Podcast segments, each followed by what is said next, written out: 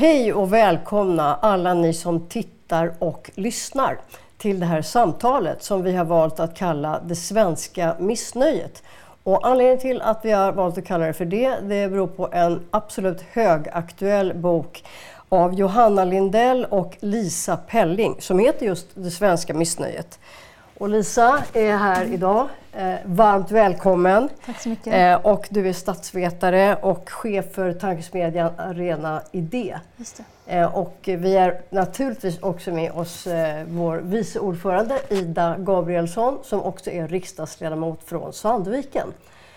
Och Lisa, eh, det är inte bara du som är här, det är boken också. Eh, Ja, ska vi jag visa, kan upp den? den.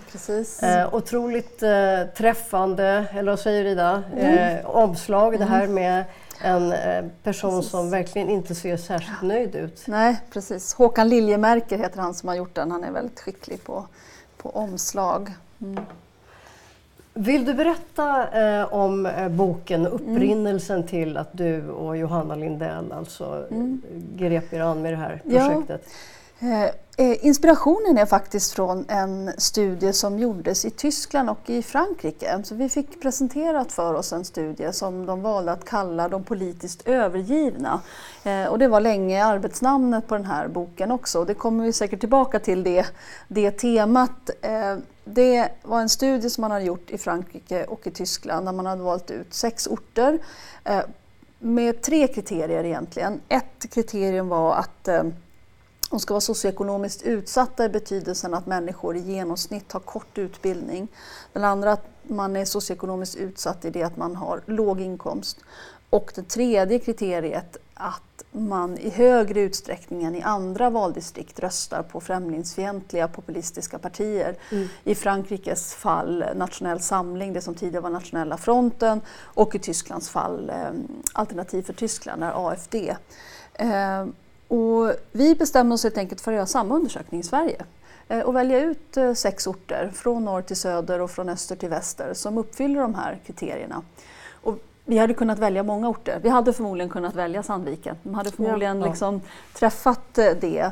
Men eh, vi var i Haparanda, eh, vi var i Ljusnarsbergs kommun, i Ronneby, i Rannebergen i Göteborg, i Landskrona och i Malmö. Så de, på de orterna genomförde vi då eh, intervjuer under hösten 2019. Så vi hann faktiskt göra intervjuer rent fysiskt. Alltså vi stod på liksom, i Men trapphuset. det är ändå lite olika. Vi brukar prata om bruksort, landsbygd till exempel. Men Mm. här har ni ju även med människor som då bor i I storstäder. förorter, Ja. så att säga, till storstäder. Precis. Och Men det, om, man, om man då tittar, vad är de gemensamma nämnarna ändå här? Ja, alltså vårt ehm, mål var ju att försöka undersöka liksom, missnöjda orter.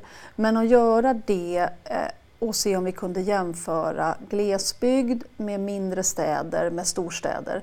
Så att alla liksom, valdistrikter egentligen vi har undersökt eller, eh, uppfyller de här tre kriterierna. Människorna har en genomsnittligt kort utbildning, låga inkomster brukar bädda för missnöjdhet. Då, då, ja, mm, låg inkomst, vid ett kringskär, chanser, utsikter, tillförsikt på samma sätt som kort utbildning ofta gör det. Och att man liksom har uttryckt det här missnöjet genom att rösta på Ja, det man kan definiera som ett missnöjesparti. Sverigedemokraterna är ju inte bara det, men de är ju också ett missnöjesparti. Och faktum är att sådana här valdistrikt finns i alla de här orterna. Det finns inte bara på glesbygden eller bruksorter eller det svenska rostbältet, utan det finns även i storstäderna. Och det var ganska fascinerande att se Eh, om man ska ta en skillnad mot den fransk-tyska studien till Ja. exempel så konstaterade de att det var en stor skillnad eh, när det gäller missnöjdheten bland de som bodde på landsbygden och de som bodde på städer när det gällde tillgång till service. Alltså att de som man i Frankrike och Tyskland intervjuade på landsbygden, de var väldigt missnöjda med att det var att apoteket hade stängt, att bussen går sällan, att det är långt att åka för att handla till exempel. I Sverige så hittar vi det här missnöjet även i Rannebergen i Göteborg. Eh, för där är liksom ett helt bostadsområde byggt på 1970-talet, så ett typiskt miljonprogramsområde, som byggdes med en centrumbyggnad som numera är helt tom. Så att man måste åka buss in till Angered centrum för att handla en liter mjölk. Det går inte att handla en limpa bröd eller en liter mjölk eh, ute i Rannebergen. Och ovanpå det liksom frustrationen över annan service som folk lite tar för givet som att eh, ha nära till vårdcentralen, att ambulansen kommer när man ringer, att ha en handläggare på Arbetsförmedlingen. All den servicen upplevde folk också var längre bort. Och det oavsett om man bodde i Ljusnarsberg som på många sätt är en glesbygdskommun eller om man bodde i Ronneby. Mm. Om du ska säga någonting mer om skillnaderna eh, mot Frankrike och Tyskland? Ja, alltså en, en lite eh, sorglig men liksom också uppfordrande skildring, eller skillnad var ju att i den fransk-tyska studien så konstaterade man att invandringsfrågan, alltså att, att missnöje kanaliserats som missnöje med landets migrationspolitik. Det var ju både Frankrike och Tyskland störst i storstäderna. Mm.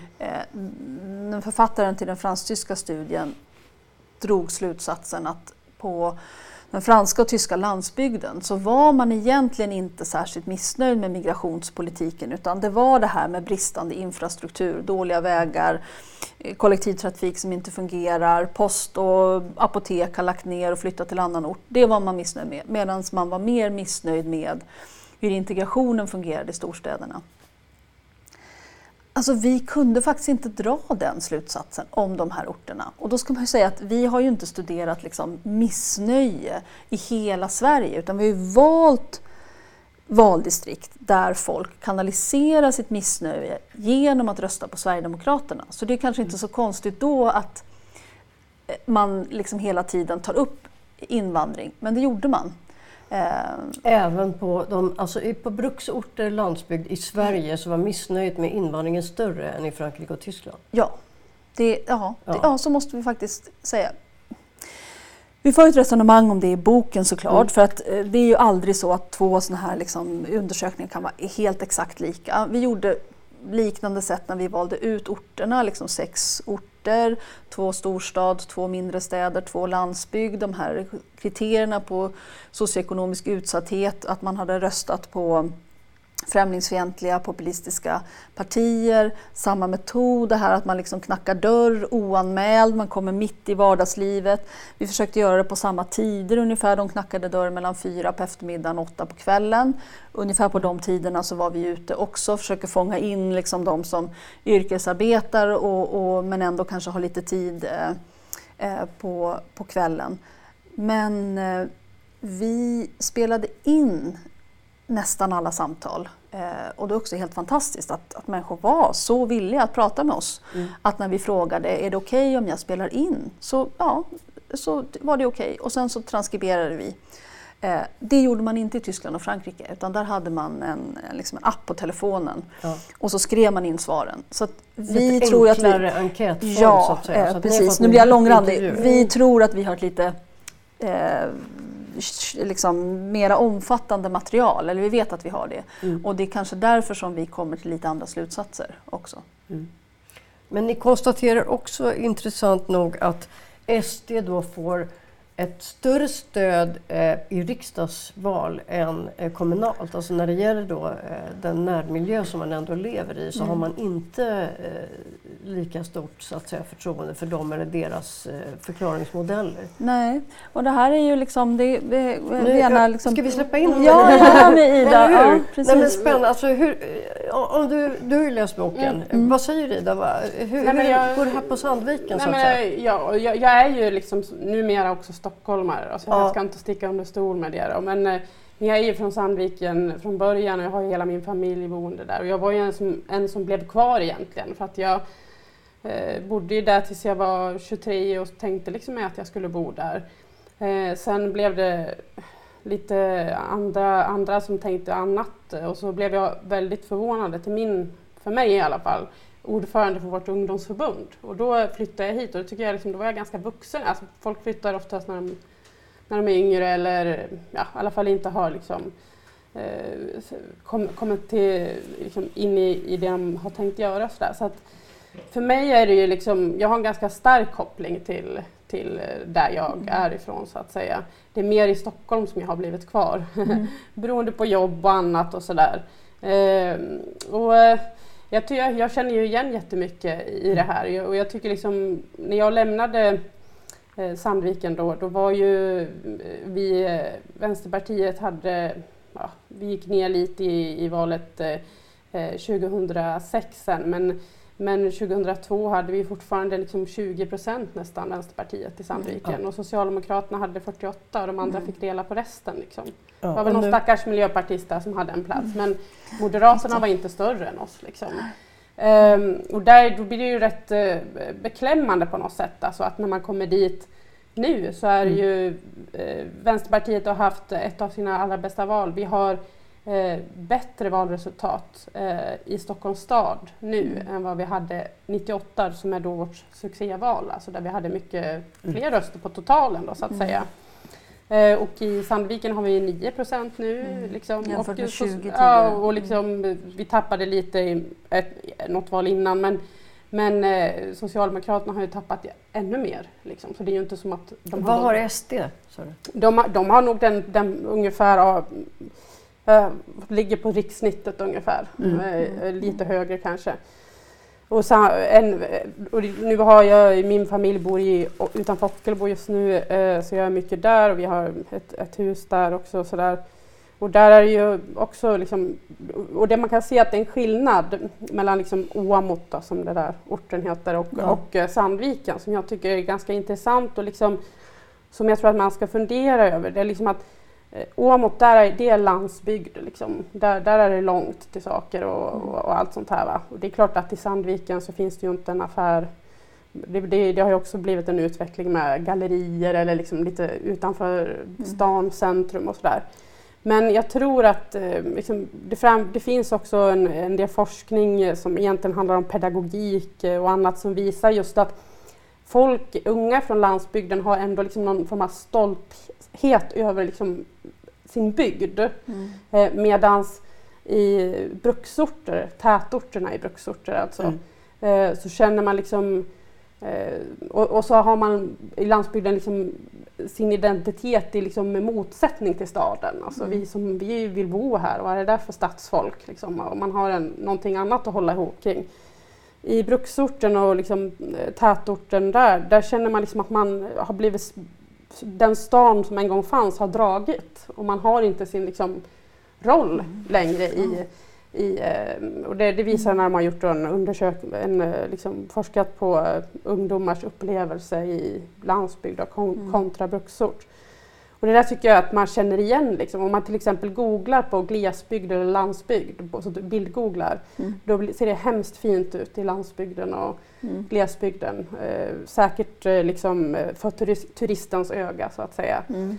Men till liksom bruksorten med de här äh, gasande industrierna och Eh, liksom, eh, gråa betong. Eh, jag menar, Sandviken har Sveriges näst största industriområde. Det är en mm. ort på 40, max 40 000 invånare, mycket mindre nu säkert. där är det, liksom, det är den bilden. Och jag pratade med en vänsterpartist som var med på ett av mötena för vi håller på med och jobbar med just hur kan vi, hur kan vi göra något åt det här? Vi kan ju inte ha det så här att liksom arbetarklassen, folk som tidigare har klassröstat liksom, i de här områdena särskilt de, nu har ju ni valt ut lite olika orter, men mm. vi, har ju, vi har valt att titta särskilt på de orter där ar arbetarrörelsen har liksom i 90 år varit mm. extremt stark och ja. nu inte längre är det. Mm. Hur kan det komma sig? Och då sa hon en, en sak som jag tänker på, hon, hennes eh, förälder var från Bålänge då, som är också en bruksort i Dalarna.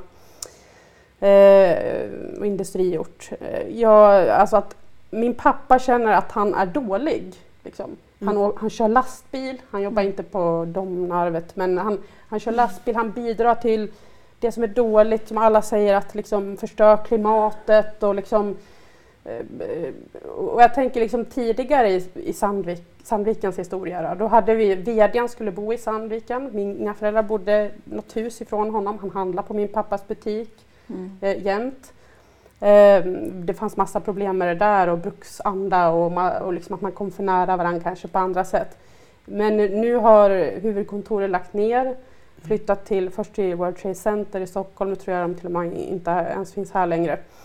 eh, det gör ju någonting med ens liksom, roll i samhällsberättelsen. Liksom. Ja, du menar den här stoltheten ja, som men alltså, man du, Tidigare byggde, man skulle bygga landet, Mm. det var de här industrierna, så man, man kände liksom att man, man eh, hade ett värde. Jag menar, arbetarrörelsen och, och liksom arbetarklassen var ju liksom hegemonisk på något sätt ändå Mm. i, i någon slags, vilken klass som, som byggde landet Mm. eller liksom sådär. Eh, och nu, nu har vi ju en annan liksom mer eh, stratifierad eller uppdelad och liksom ehm, och, och det kanske upplevas som att eh, en PR-konsult har högre status än eh, den som går och jobbar på Sandvik. Då. Mm. Och inte den här gemenskapen som man kunde bilda i sin egen bruksanda eller liksom finns inte riktigt längre för att eh, ja, jag pratar med min, alla mina kompisars killar jobbar då på Sandvik och jag pratade med en av dem som jag brukar prata med rätt ofta som sa, sa så här, "Aha, men vart, vad, vad, gör, vad, gör, vad skickar ni rören till då? Då skrattade han för det har han inte ens, liksom, det, har, det vet han inte riktigt. Alltså. Ja. Jag menar, det blir ganska kontextlöst mot för den här andra liksom, förskönade bilden om att eh, bruket och liksom, det var ju stora lockouter och en massa saker liksom som, som skedde där.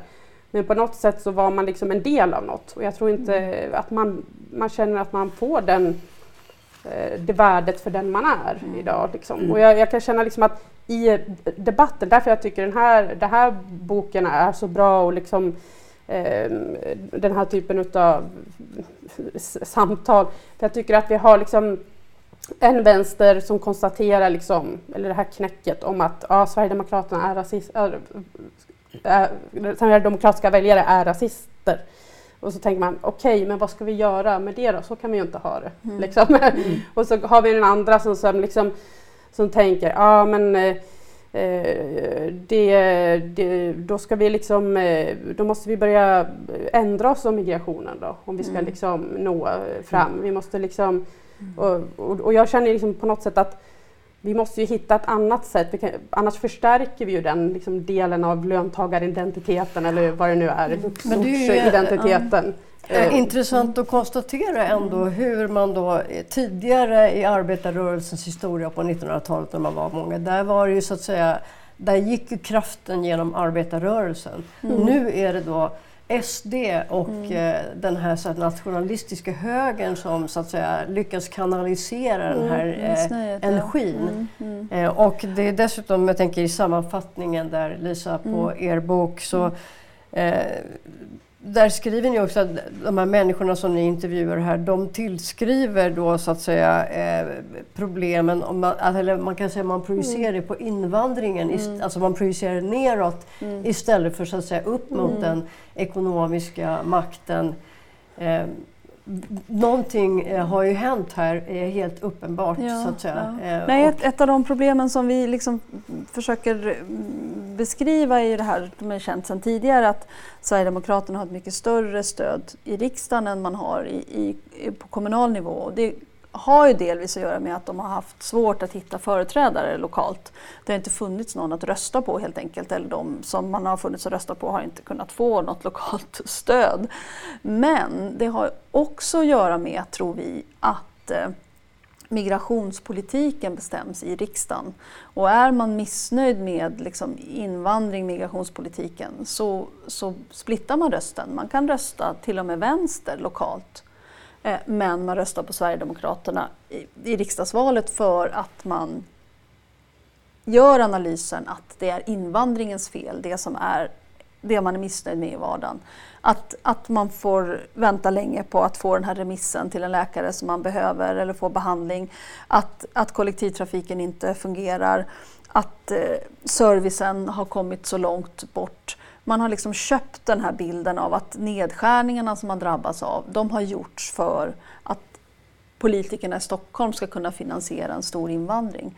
Och, och du har helt rätt liksom, Ida, när man, när man tar tag i det så måste man ju väga in eh, ska man ge människor vatten på sin kvarn? Ska man då liksom möta det genom och säga ja, oj, vi måste strama åt invandringen här för att vi ser att ni är oroade över invandringen? Eller ska man säga nej, de här pengarna som har försvunnit ur Arbetsförmedlingen, ur Försäkringskassan, ur vården, ur kollektivtrafiken, de har inte försvunnit för att Sverige har varit eh, ett humanitärt land som har tagit emot människor på flykt, utan de har försvunnit för att vi har en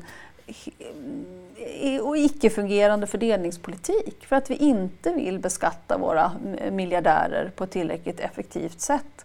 Ja, vad säger du Ida? Apropå, nej, men nej, men precis, det, frågan det, det, varför är inte folk argare på den ekonomiska makten? Varför, varför går så att säga den missnöjdheten åt mm. det här hållet? Jag tror, liksom, det är för, tror jag, dels att man förknippar liksom att eh, man, man, har liksom, eh, man tänker att det är invandringen då som stjäl välfärden eller liksom eh, resurserna i sjukförsäkringen eller vad det nu kan vara. Eh, som du liksom säger. Eh, men sen så tror jag också att det handlar om att liksom, vi har haft en, en lång liksom, tid av en ekonomisk politik som inte har liksom, Eh, Eh, kraftigt omfördelat, som inte har lyckats med arbetslöshetsbekämpningen eller som har liksom vinster i välfärd och annat. Och det, det är inte så konstigt om folk liksom upp, inte upplever att det, det, går att påverka den delen heller, tänker jag. För att det är ingen som visar att det går. Det finns liksom begränsade reformagendor. Eh, så på något sätt har de ju rätt. Liksom. Och det alla partier pratar om, alltså man för, givetvis försöker säkert många fler än Vänsterpartiet prata om annat, eh, bekräftar ju på något sätt bilden av det här. Jag sitter ju i socialförsäkringsutskottet där migrationsfrågorna mm. ligger. Jag är inte ansvarig för dem, utan det är Kristina. Men eh, det de andra partierna brinner för är det. Och sen så är det mm. pensionerna och, och sjukförsäkringen, det sköter man lite med vänsterhanden. Mm så att säga. För att man, trots att vi nu har i princip klappat igen gränserna i mm. Sverige så är man intresserad av att, att hålla liv i den här debatten. Mm. mm. Och jag kan ju tycka att det är synd att, att, liksom, eh, att tänka att vi måste gå det här till mötes. Dels för att jag värderingsmässigt tycker att det är fel så att säga, men också för att eh, det, det, det, det, innebär ju att det här andra bara for, kan fortsätta så att mm. säga. Om vi istället sa att nu måste vi byta samtalsämne. Nu, vill, nu är det, vad, vad, ska vi göra med sjukförsäkringen? Vad ska vi göra med pensionerna? Då kanske vi också liksom eh, det jag tycker vänstern kan göra ibland för mycket det är att eh, springa på varje boll som Åkesson rullar. Det är jättebra att eh, Annie Lööf och Märta Stenevi slår handen i bordet och säger usch liksom, i, i, i eh, partiledardebatten. Men samtidigt så det krävs ju något mer om vi liksom mm. ska kanalisera det. Jag, jag tänker bara som en sån roll som jag tycker att Vänsterpartiet skulle kunna ha framöver. Den här Ronny Ambjörnsson, den skötsamma arbetaren, en sån bild. Eh, så, så, finns det liksom en annan då som sägs vara någon slags motsats, den egensinnige. Det lyfts mm. upp också i de här jämlikhetsutredningen ifrån LO. Eh, men också i annan... Liksom, jag tänker så att tidigare sa åtminstone den här egensinniga arbetaren att äh, nu får det fan vara nog med facket, de funkar inte, nu ska jag rösta vänster. Eh, alltså det var liksom mer en, jag skulle önska att Vänsterpartiet kunde få, få en roll alltså, eh, och också ta sig den, att, att, att bli ett alternativ för den, den gruppen mm. helt enkelt. Mm. Jag tänker att, att den fransk-tyska studien, de döpte sina resultat till de politiskt övergivna. Och det, och det, och det finns ju en hel del av politisk övergivenhet bland dem eh, på de orter som vi eh, studerar också. För att, för att det är ju klart att, det är som Ida säger, att nu eh, har vi i princip stängt gränsen men det har ju inte gjort att ambulansen kommer snabbare eller att sjukförsäkringen fungerar bättre eller att skolan kommer höja sina, sina, eh, sina resultat.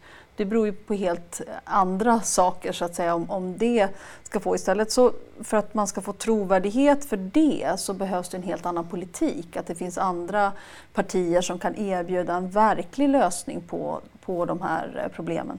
Sen ska man ju liksom inte eh, sopa integrationsproblem under mattan. Eh, det är ju, och det är också den, liksom, den mest seglivade främlingsfientliga myten av alla. Och säga att vi vill inte prata om migrationens problem. Inte, ja, pratar vi om någonting annat någonsin än integrationsproblem kan jag liksom undra. Eh, men men för, för det är ju någonting som bekymrar människor som vi pratar med liksom i trapphusen. Mm att eh, ja, det är bekymmersamt att det är väldigt många barn i den lokala skolan som inte har svenska som modersmål. Undervisningen blir lidande av det om man inte får tillräckligt mycket resurser till den här skolan. Och det kan man inte eftersom i Göteborgs fall så går eh, skolpengen till friskolorna och det blir inte tillräckligt mycket pengar kvar i den, i den kommunala skolan. Och så fort den kommunala skolan satsar bara lite så måste ju friskolorna få lika mycket. Vilket mm. gör att det blir nästan ingenting eh, med en, med en liksom ännu dyrare eh, skolbudget. Så att, eh, det finns definitivt liksom, eh, behov av en annan sorts eh, politik.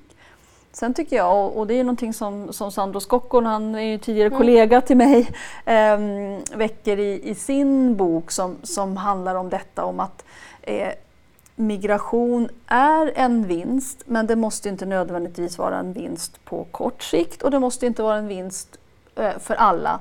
Det beror helt och hållet på fördelningspolitiken. Det går att fördela migrationens vinster, men då måste man ha en fördelningspolitik som, som gör det.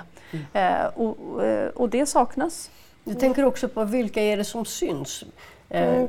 Det irriterar mig ofta mm. att den, eh, när man pratar om, vi pratar om fördelningspolitik, mm. men det är ett väldigt neutralt ord ändå. Mm. Så att mm. Det är inte ett ord som väcker starka känslor ofta. Så att den ekonomiska makten och de som verkligen är rika och som verkligen sitter på resurserna syns ju ofta mycket mindre i debatten och pekas i mindre grad ut nu för tiden som så att säga motståndaren. Eh, vilket ju gör att fokus riktas ju hela tiden mot gruppen invandrare.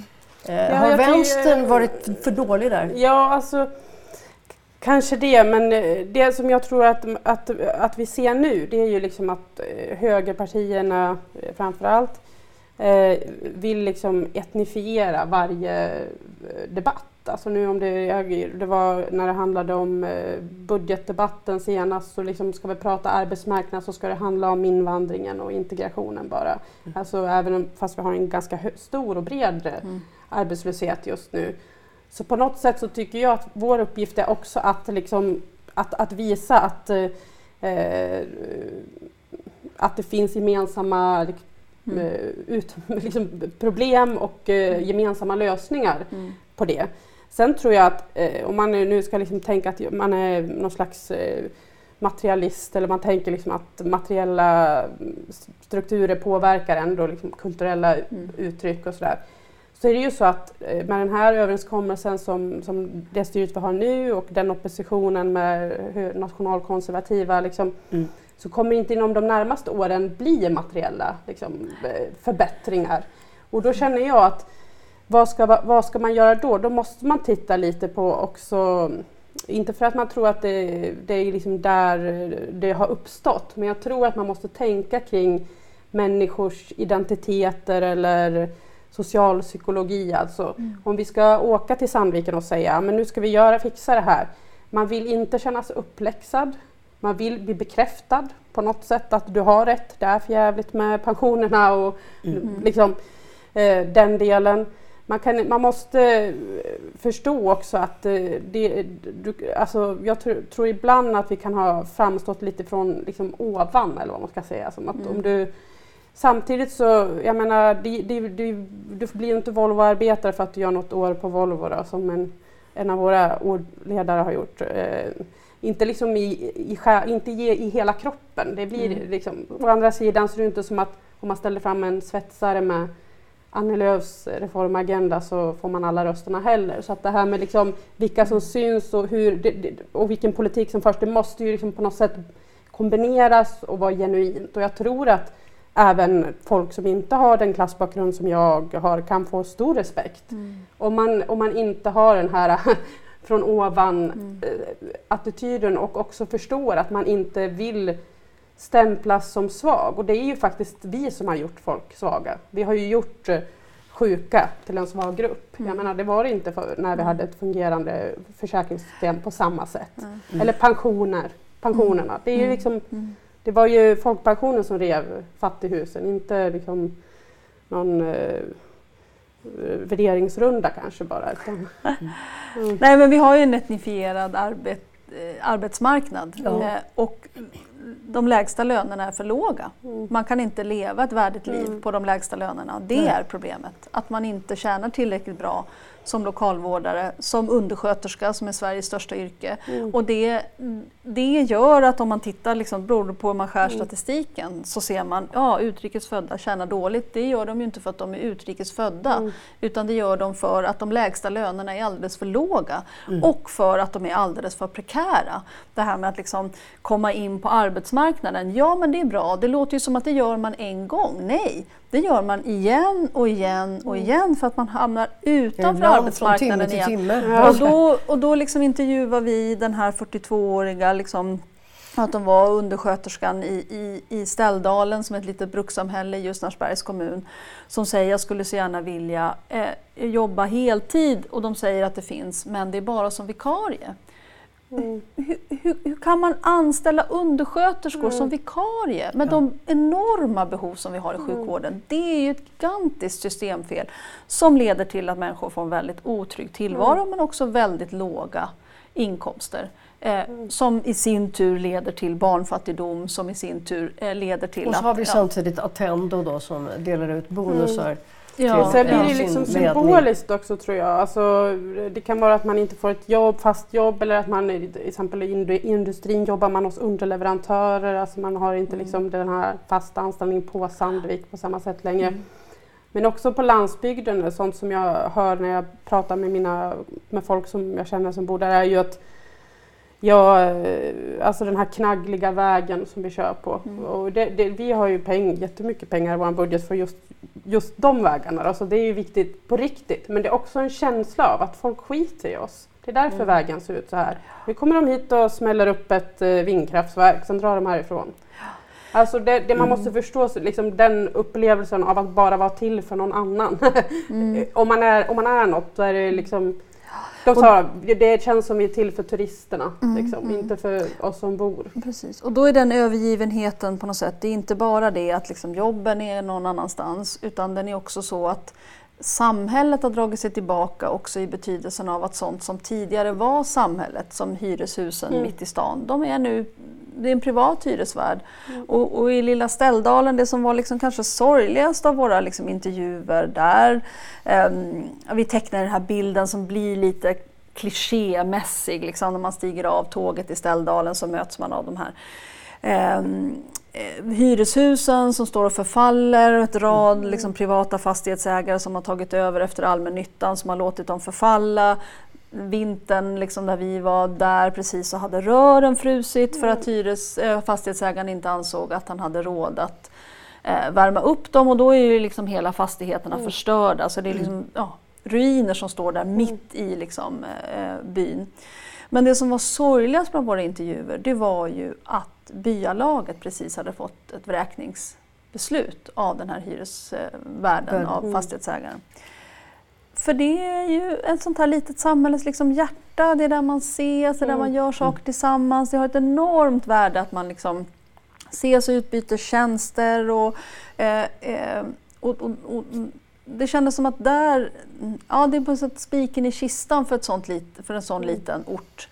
Eh, att eh, att dra undan mattan för den liksom sociala infrastruktur som ett byalag eh, kan vara. Nu finns eh, Ställdalens eh, AIK liksom mm. i allmänna idrottsklubben som, som gör en massa aktiviteter och sånt där så det är inte helt tomt på föreningsliv, det finns en massa mm. andra också. Men det var, ja, det var lite av, av, av hjärtat och där tror jag faktiskt att när staten liksom drar sig tillbaka på det sättet mm. så så kanske man sparar lokalkostnader. Alltså Ljusnarsbergs kommun kanske sparar på att inte ge ett bidrag till byalaget så att de kan ha sin lokal. Jag vet inte hur det är nu, det kanske har löst sig, jag hoppas det.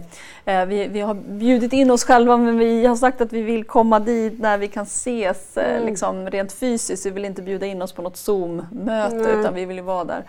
Men, men, men att, att eh, man kanske har sparat lite pengar på lokalkostnader men man har förlorat väldigt, väldigt mycket mer.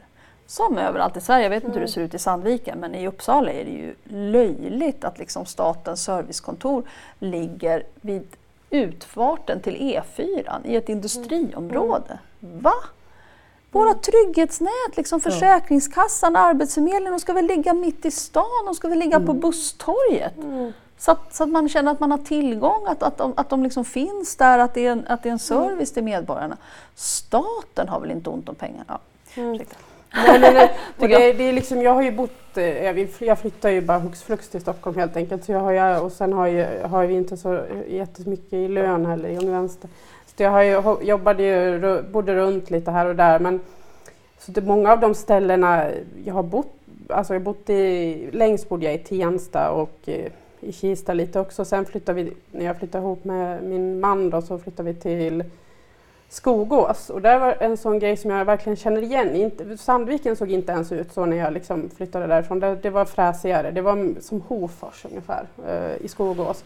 Där var S borta. De, hade inte orkat, in- de satte inte upp det utan det stod Ogås eh, istället. Och liksom bara känslan av att ja, här ser det ut så här i centrum. Liksom.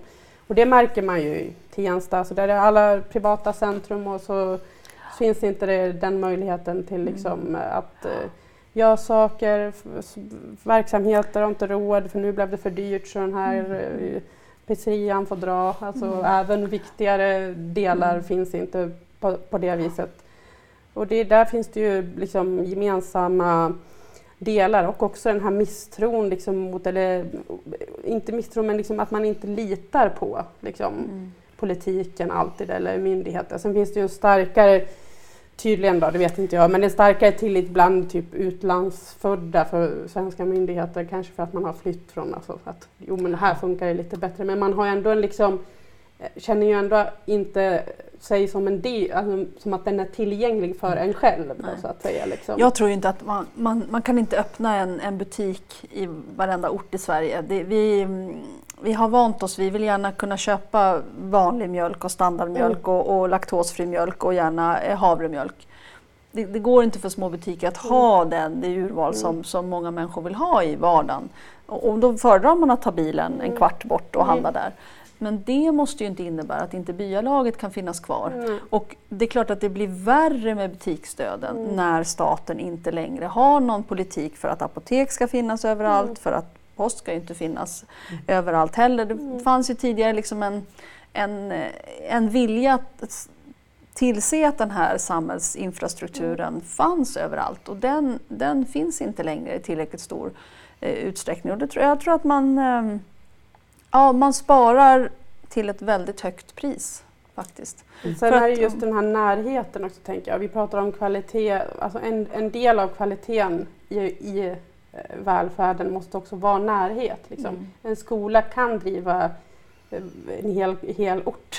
Mm. och det är klart att vi inte ska ha en helt undermålig skola men det är också viktigt med närhet, inte bara med eh, fulländade behöriga eh, förstelärare eller så. Nej, nej, nej. Nej, det, hoppas finns man ju liksom verkligen en- att liksom, det måste, måste på något sätt också, be, det betyder ju någonting för liksom barnen och familjerna och, och alltså Mm. att det finns någon, någonting som, som, som men sen alltså det jag har i Åmåt, då, där är det världens bästa liksom bygdeförening så där har vi till och med en butik kvar fortfarande som man Mm. liksom eh, har, jobb, har folk anställda på att jobba som vanligt men inte, inte liksom, de har inga vinst vinst eh, liksom, utan det är ju en gammal konsumbutik nu, nu ombandad till en handlan.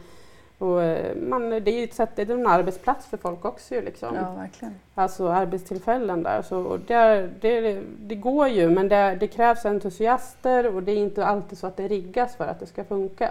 Och jag tror också att eh, om man skulle jämföra med någon annan ort så skulle det kunna det också visa sig just för att det här ändå finns i, runt omkring i Åmåt att det fortfarande finns ganska mycket socialdemokrater framförallt. Vi, det är inte liksom så många vänsterpartister och centerpartister kvar där för att Mm. eh, där, där finns det en- den här känslan av ett vi åtminstone. Liksom. Det var väldigt slående i vår bok att ehm, eh, Centerpartiet nästan inte förekom alls. Eh, man pratar nästan inte om, eh, fastän Mm. på en del av de här orterna så hade Centerpartiet varit liksom ett, ett, eh, Mm. ett närvarande parti trots allt. Fanns liksom inte i diskussionen alls. Och jag, Nu hoppas man ju verkligen att både Centerpartiet och Miljöpartiet eh, som har vurmat om, om landsbygden mm. och eh, kan förstå hur stort hot som friskolorna är mot byskolorna. Mm. Att det här eh, perversa systemet för fördelning av skolpeng som vi har eh, förstör möjligheten att ha byskolor. Mm. De, de, de, de, har ju inte eh, råd om, om eh, den kommunala skolan ska dräneras på resurser på det sätt som man gör nu. Men, ja. Det behöver jag inte övertyga er om.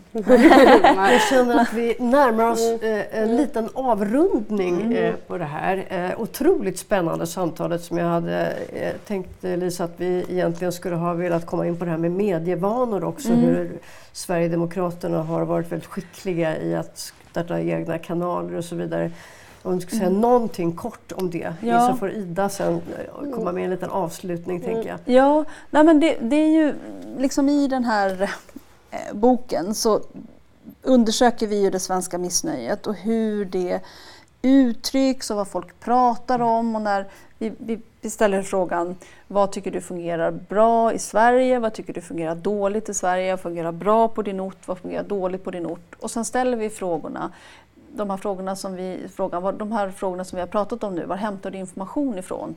Eh, och sen så har vi frågat om de litar på de medier som de eh, använder sig av. Och, eh, där ser vi ju att det kan liksom delvis bekräfta i vår studie det här som man har vetat tidigare att människor som vänder sig till alternativ alternativmedia som de mm. kallas, med liksom Sverigedemokraternas me medier men, men eh, högerradikala eh, kanaler, de vänder sig inte bara till dem utan man läser det de kallar mainstream i media. Man lyssnar på, på Sveriges Radio, man tittar på nyhetsprogrammen på, i Sveriges Television och de, när man vill ha information om invandring så vänder man sig till alternativmedia och där får man intrycket av att allting handlar om invandring, att alla, eh, all brottslighet, all kriminalitet handlar om invandring. Eh, och så får man i sig att eh, det är bara vi som rapporterar om, om det här. Eh, och så eh, får man det liksom bekräftat av, av resten av, av media som ju har en rimlig rapportering om invandring. Eh, och, och, det som vi liksom vill flagga upp för här är ju att de har redan en väldigt stor påverkan. Vi tycker att vi kan läsa ut det i människors berättelser, i hur man uttrycker sig, vilka ord man använder, hur man liksom får sin världsbild att gå ihop. Och de här kanalerna har ju nu eh, för första gången på allvar börjat beviljas pressstöd. det är 14 miljoner bara under, eh, eh, som man har beviljats bara under 2020. Eh, och då Lilla Dagens Arena där jag är, är ledarskribent, vi tycker att vi har hyfsad liksom, påverkan på samhällsdebatten. Eh, och vi har en total budget på drygt 3 miljoner. Mm. Eh, det här är 14 miljoner bara i pressstöd. Det här är utöver den finansiering som de har direkt från Sverigedemokraterna och från prenumeranter och från donationer och, eh, och sånt. Så att de här medierna kommer att växa och det kommer att påverka människors berättelser och hur människor kanalisera sitt missnöje. Så att, ehm, ja, vi har ingen ursäkt för att inte agera på det svenska missnöjet. För det, annars är risken som att, att det blir skulle behöva ha lite fler egna kanaler också. Ja, jo, men så mm. kan det ju vara. Men framförallt så tror jag liksom just att eh, på något sätt så, så, så, är det inte så konstigt tycker jag. För att, för att det är ingen som eh, liksom, med trovärdighet i alla fall eh, säger att ja, men det är, folk känner sig missnöjda, litar inte på Försäkringskassan till exempel. Eh, tycker att det, liksom, det, det, funkar inte och det är sant, det funkar inte. Eh, det är ju en sund reaktion. Då. Tycker att det här var, var, var ju inte sant. Liksom. Jag, jag var sjuk men jag fick inga pengar. Liksom. Jag, jag menar mycket utav det, det makten säger är ju inte ser man inte i sin vardag att det är på det sättet. Liksom.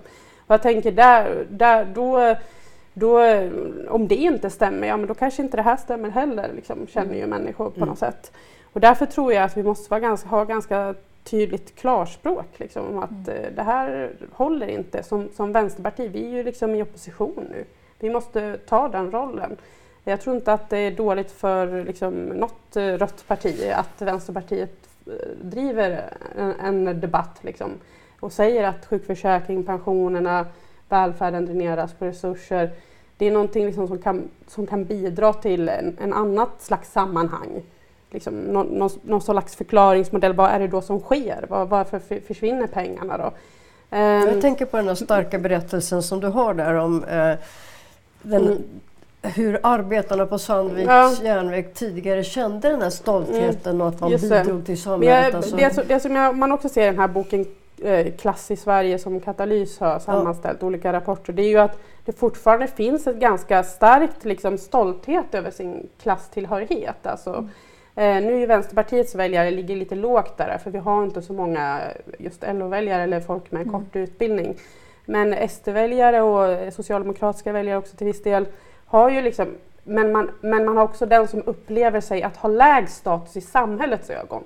Så att man alltså tycker ju bättre om sig själv än vad, man, än vad samhället verkar göra. Mm. Är ju Så vad tycker du nu Ida? Vad är det viktigaste nej, Vänsterpartiet då, då tror jag liksom att vi ska absolut driva och säga. Det, det, det, vi måste säga och, och, lägga fram våra förslag, vara väldigt tydlig eh, kring att vi vill fixa sjukförsäkring, vi vill ha pensionerna, vi måste göra något åt vinstslöseriet. Det är där de stora bovarna är, det är där resurserna försvinner. Samtidigt som jag tror att vi måste ska, liksom, eh, förstå eh, hur folk upplever saker, att, eh, hur, hur kan vi ge, hur kan vi liksom, skapa någon slags vänsterberättelse eller vänster, liksom, ny vänsteridentitet. Så kanske inte Alltså man ska ju få ha en ekologisk livsstil om man vill, men det ska liksom inte ge mer cred och tågluffa till kontinenten i vänstern än att ta en charter till Sunny Beach. På något sätt måste vi liksom eh, hitta en sån gemenskap med baristan i förorten och eh, liksom järnvägsarbetaren i Sandviken. Eh, och vi, ja, det hinner jag inte gå in på, på nu, men alltså mycket har ju också med liksom, eh, arbete och kön att göra. Liksom. Att, eh, det är därför man kan se en ganska stark överrepresentation hos män. Eh, men nu vet jag att det börjar röra på sig tyvärr lite mm. bland kvinnorna också. Men liksom, där, där på något sätt ja, det en, eh, jag tänker på min pappa nu som har fått cancer och liksom kroppen eh, har brytts ner. Han har alltid varit en fysisk, han har jobbat med kroppen. Liksom. Ehm, det är mycket av eh, ens, liksom den, ens identitet som ligger i ens jobb. Och om samhället ja. tycker att man, ens jobb är inget att ha eller förstör miljön eller liksom bara är en belastning eller ointressant, inte mm. det som är det som är inne nu då är det svårt. Därför tänker jag att vi måste liksom få hipsters, de hippa, måste förstå att det är pengarna det handlar om. Mm. Vi kan liksom inte ha en, en situation där, man ska, där vi liksom bygger våra identiteter i motsättning till varandra åtminstone, utan måste finnas någon slags gemenskap mångfacetterad såklart. Ja, men att arbetet har ju en speciell roll. Alltså det är ju det som är platsen i produktionsordningen ja, helt enkelt. Alltså, alla väljare, alla väljare är ju lika mycket värda men alltså om en arbetarrörelse som har förlorat 25 procent av de med kort utbildning mellan 94 och 2018 har ju stora problem. Därför det är ju där man liksom eh, det är, det är ändå bra att ha de som i basen, om man nu, eller vad man ska säga, liksom, mm. sina kärnväljare med sig. Annars får man ju, får man ju hela tiden det här. Liksom. Ja, nej, och, det, och det är ju liksom oerhört viktigt att, att um, man uh, visar att, att samhället finns, att, att, att, att, man, att man kan investera i de här uh, orterna mm. och att människor räknas oavsett om man bor i Rannebergen eller Ronneby eller mm. Haparanda mm. eller Ljusnarsberg. Att, att man finns och att man, att man får, vara, får vara delaktig. Uh, och, och vi är ju ett sånt ohyggligt rikt samhälle så det är så dumsnålt av oss att inte satsa de resurser som, uh, som krävs, verkligen. Då måste vi våga peka ut vad resurserna är också. Ja, jo, vi har ju ett nytt projekt men, och liksom, där vi ska visa också att vi, för nu har vi en jättestark eh, liksom, kapitalkoncentration, en stagnation egentligen i ekonomin. Vi skulle kunna investera i liksom, grön industri, göra en omställning eh, på riktigt. Liksom. Ibland kan jag känna att en del eh, tycker det är viktiga liksom, att stopp, stoppa massbilismen på liksom, plakatet. Så att. Mm. Men det gör ju ingen klimatomställning utan då kanske vi det är ju, industrierna är ju 70 procent utav utsläppen. Liksom. Om, om man kan göra batterifabriker i Skellefteå mm. då kan man ju ställa om och eh, se till att folk kan känna en ny framtidstro och vara med och bygga det här. Liksom. Så det tror jag vi ska kunna göra. Jag tror det här får bli en jättestor valfråga, eller hur? Vi Mm. måste ju bara fortsätta prata om det här hela vägen fram till valet och även därefter, och, och agera också. Stort tack Lisa Pelling för att du Ja, kom hit och tack. Ida Gabrielsson och stort och varmt tack till alla er som har tittat och lyssnat.